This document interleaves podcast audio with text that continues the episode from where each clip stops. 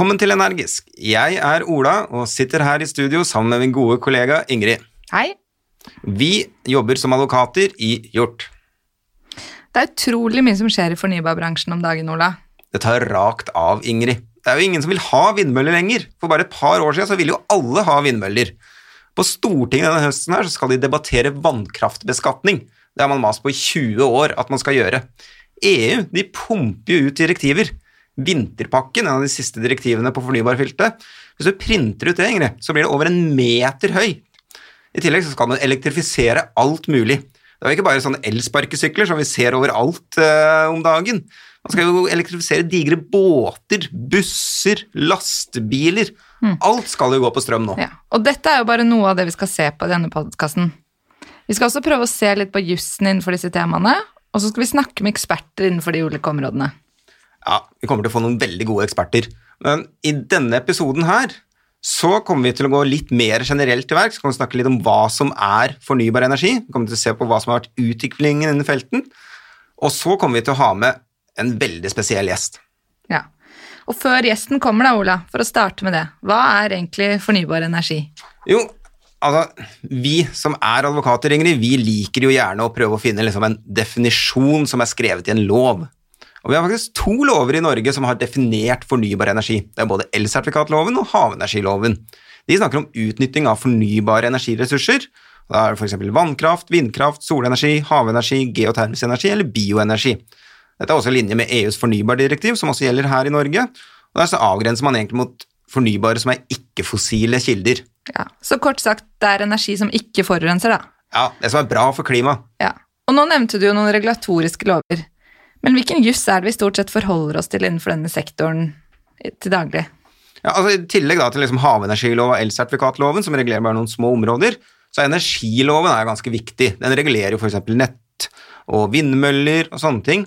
Vannkraften, veldig viktig i Norge. Reguleres av mm. tre ulike lover. Da, vannressursloven, vassdragsreguleringsloven og vannfallsrettighetsloven. Mm. Lange navn, alt sammen.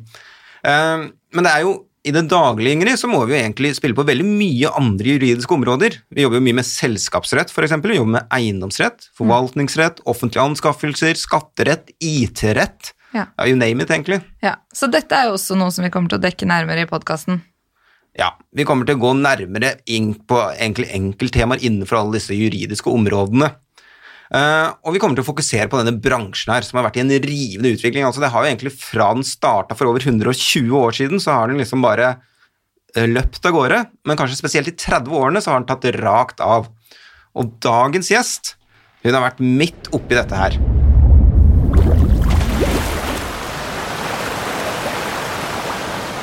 Dagens gjest er partner i og leder for Hjorts avdeling for energi og miljø. Hun arbeider med rådgivning og prosedyre innen transaksjoner, fast eiendom, energi og naturressurser, blant annet med rådgivning i større prosjekter knyttet til eiendoms- og energisektoren, både småkraft, vindkraft, vannkraft og nett.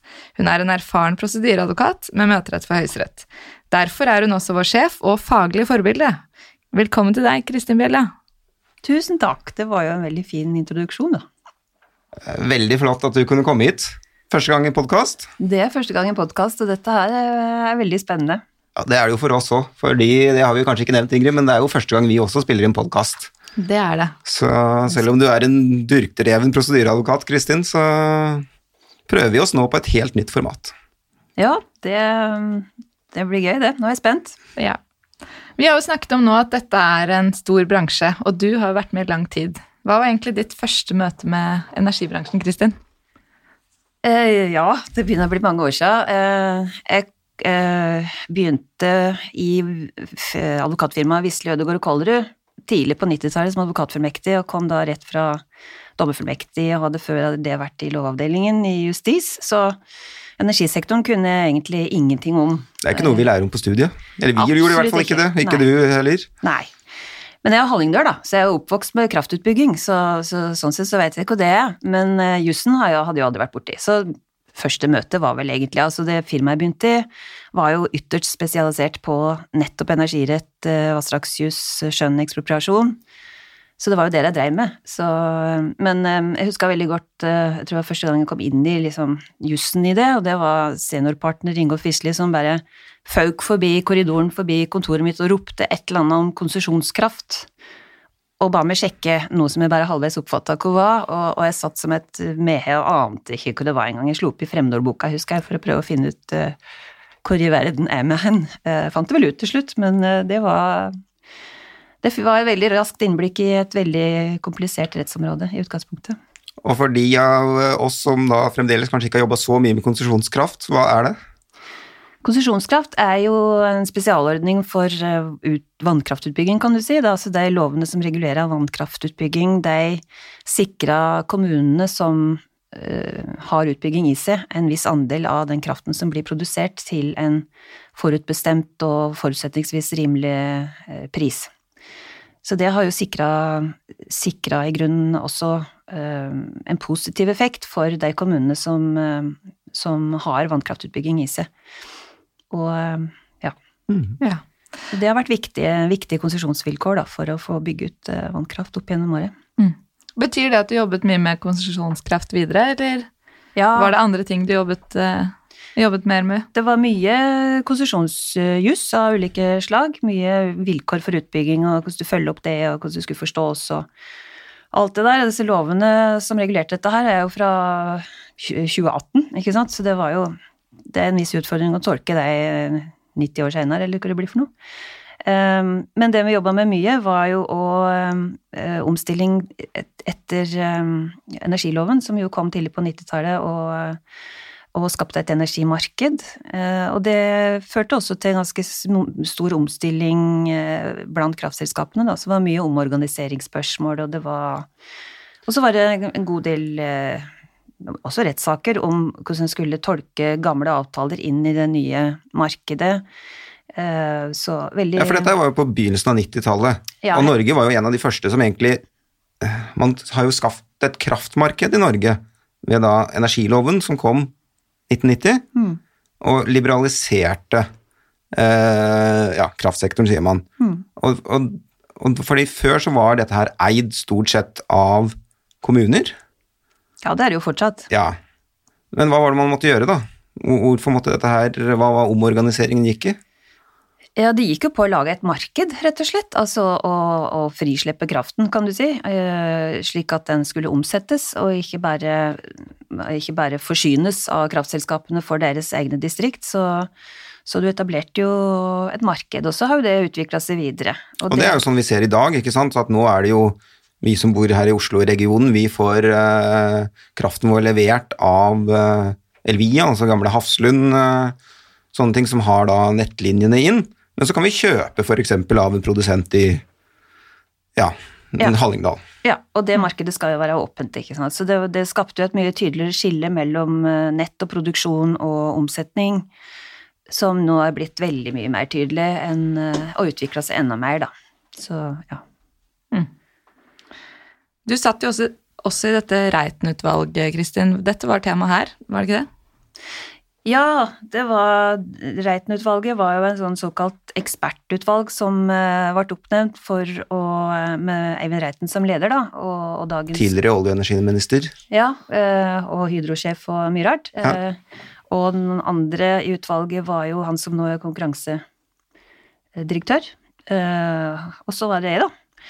Eh, og, og eh, temaet var jo eller mandatet var jo å, å, komme med forslag til et bedre organisert strømnett. Og bakgrunnen for det var at en så for seg at eh, det var behov for en veldig stor opprusting av kraftnettet, altså kraftlinjene over det ganske land. Kjempeinvesteringer som må gjøres, og, og kanskje en bekymring for om det var organisert godt nok for å møte den utfordringen, da. Det var på en måte hovedvegen inn i dette. ja, for det er jo egentlig du og jeg, eller vi som er forbrukere, som betaler jo på en måte sånn indirekte for dette kraftnettet vårt. Ja, vi betaler jo en eh, Vi betaler jo over strøm, ikke over strømregningen, men vi betaler jo for kraftleien, kan du si, og mm. der, der, skal jo alle kostnader ligge innbakt etter hvert. Så, eh, så, det er jo viktig at dette er organisert på en god måte, så det ikke blir for dyrt for oss. Mm. Uh, og det er jo Nettleien er jo veldig forskjellig veldig høy mange steder og lavere andre steder. Det skal forsøkes å utjevnes, men den er jo Det kan jo være en utfordring at den er veldig forskjellig avhengig av hvor du bor i landet. Dette her tror jeg vi må komme tilbake til, for dette er jo et helt eget tema. altså Nettleie det er jo noe myndighetene jobber mye med nå. Ja. Men et annet tema som er kanskje litt mer nærmere dette Reiten-utvalget, er dette med selskapsmessig og funksjonelt skille. Det er jo en annen het potet om dagen. Eh, kunne du kanskje kort sagt hva egentlig går det i? Ja, det var i Altså, det jo, gjaldt jo før Reiten-utvalget eh, vurderte dette, så, så gjaldt det jo et krav om selskapsmessig og funksjonelt skille for nettselskap over en viss størrelse. Så det gjaldt jo fra før. Eh, men eh, det, det dette utvalget vurderte, og som også nå ligger i forslag videre, det er jo om en bør utvide det kravet til, eh, til en større del av kraftnettet, da. For det er jo det var jo bare et mindretall av selskapene som var omfatta av det opprinnelige kravet. Så det diskuterer en, det er jo ennå ikke avklart uh, hvor, altså hvor, store hvor disse selskapene gå. går. Ja. Nei. Men, men hensikten med det er jo å sikre at nettselskapet er fullstendig nøytralt, eh, og opptrer nøytralt og ivaretar monopolet sitt. Da, for det, nettselskapene har jo monopol for å levere kraft, eh, føre fram kraften, for å si det slik, innenfor sine områder. Og, og da er det alltid slik at har du et monopol, så har du spesielle krav til nøytralitet og, og ting du må passe på for at du ikke utnytta den eh, posisjonen du har.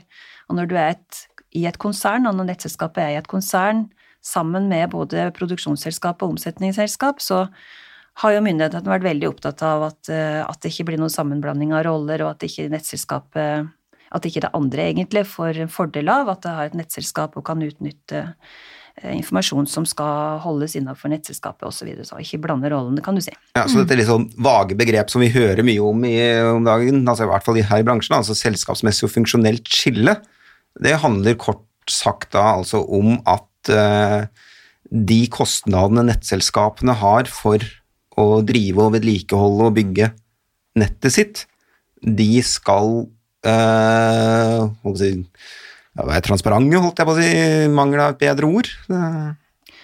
Ja, skal du sikre at du ikke har noen, øh, noen uheldig sammenblanding av øh, inntekter og utgifter? Altså det, det var jo slik at, og det er jo fortsatt slik at det er en god del kraftselskap som har både omsetning, produksjon og, og kraftnettet i samme selskap. Eh, og det, var, det er vel det som kanskje kan skape størst utfordringer da, eh, for å hindre sammenblanding. Men så er det jo mye politisk uenighet om eh, behovet for å skille, og om det er klokt å skille, og du går jo nå inn i eh, en rivende teknologisk utvikling på både omsetning og drift og transport av kraft, og det er behov for å, å, eh, å ha et samarbeid om disse ulike og utvikle disse funksjonene, som kanskje kan tilsi at det, av den grunn kan være uheldig å skille for mye, da.